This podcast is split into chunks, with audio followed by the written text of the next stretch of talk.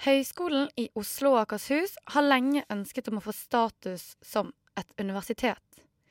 I 2013 frøs regjeringen muligheten for høyskoler å rykke opp. Dette var for å revurdere og skjerpe kravene til å få en slik godkjenning. Våren 2015 kom den etterlengtede strukturmeldingen 'Konsentrasjon for kvalitet' fra Kunnskapsdepartementet, hvor de bl.a. opphevet den såkalte frysen i strukturen.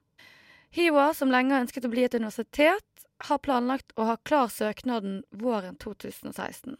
Og i den anledningen så har jeg fått besøk av rektor ved Høgskolen i Oslo og Akershus, Kurt Rice. Velkommen. Takk skal du ha.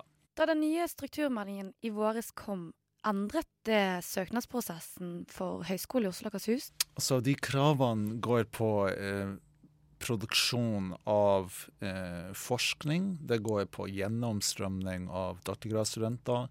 Det går på prosentandel eh, av de ansatte med førstekompetanse og noen andre momenter. Så vi må forholde oss til de kravene, selv om de ikke er fullt ut implementert hos NOKUT eh, ennå, men det er det som de jobber mot. Og vi forholder oss da til dem. Så det gir oss eh, grunnlag for et litt mer spesifisert søknad som vi jobber med. Hvorfor vil egentlig HiOA bli et universitet? Altså, det spørsmålet er egentlig ikke det spørsmålet som jeg hadde stilt. Spørsmålet som jeg hadde stilt er hvorfor vil HiOA bli akkreditert som universitet? Og den forskjellen som jeg gjør der, er å påstå at etter alle internasjonale målestokk, så er HiOA allerede et universitet. Vi er en institusjon for høyere utdanning. Vi gjør bachelor, master og doktorgrad. Vi driver med forskning og utviklingsarbeid. Altså alle kjennetegn som man kunne ha for hva som definerer et universitet, er tilfredsstilt i dag hos Høgskolen i Oslo og Akershus. Men at vi ikke får da kalle oss for et universitet, er faktisk til hinder for det videre utvikling av kvalitet. Hvordan da? Vi, ja, vi ønsker å bli bedre på å søke ekstern finansiering, f.eks. hos EU. Det krever at man bygger team internasjonalt og vi er mindre attraktive som partner fordi vi heter høyskole. De som eh, er kjent med demografien i Norge, vet at det er mange både ved Høgskolen i Oslo og Akershus og ved Universitetet i Oslo som er over 60 år, som går av med pensjon de nærmeste åra. Da skal begge institusjoner rekruttere mange, også internasjonalt. Universitetet i Oslo har en fordel bl.a. fordi de heter universitet når jeg skal rekruttere i utlandet, så må jeg forklare hva en university college er for noe. Og det er et begrep som ikke er særlig brukt ute i verden, så det er kjempevanskelig.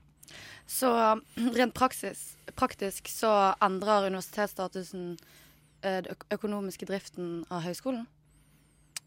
Det vil ikke umiddelbart gi endringer når det gjelder bevilgningen fra regjeringa, men det vil åpne opp for at vi lykkes bedre med å hente inn eksterne midler. Og jeg har lyst til å understreke at vi lykkes allerede bedre enn flere av de nye universitetene, f.eks. Universitetet i Agder, Stavanger og Nordland.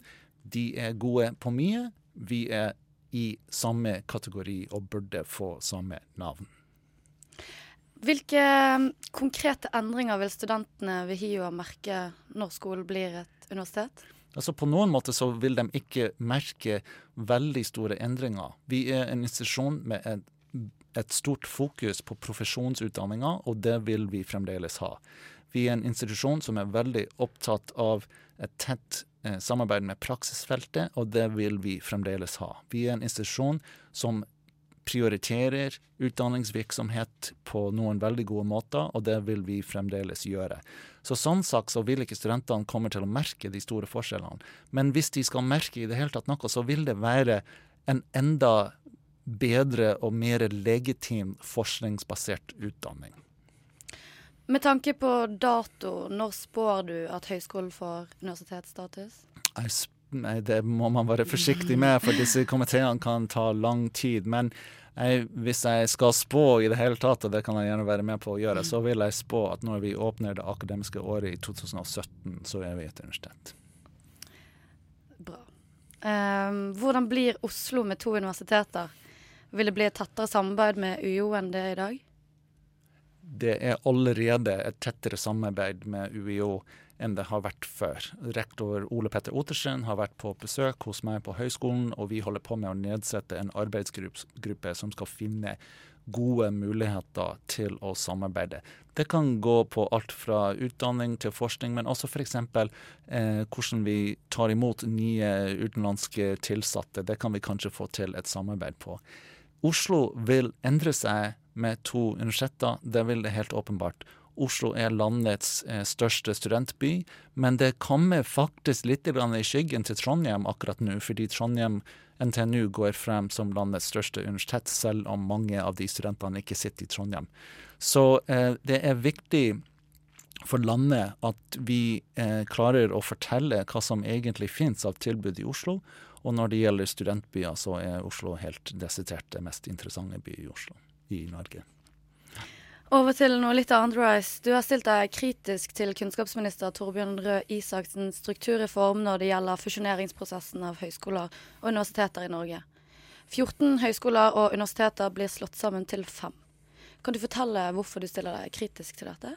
Altså Det er en argumentasjon som jeg syns er jo vanskelig å eh, få tak i. Så ministeren sier at sammenslåingen eh, vil eh, føre til mer robuste enheter. Og man forstår logikken der, men det er likevel ikke helt opplagt at eh, institusjoner med stor geografisk avstand blir robuste på den måten han tenker seg. Altså at Gjøvik og Ålesund skal slå seg sammen med Trondheim.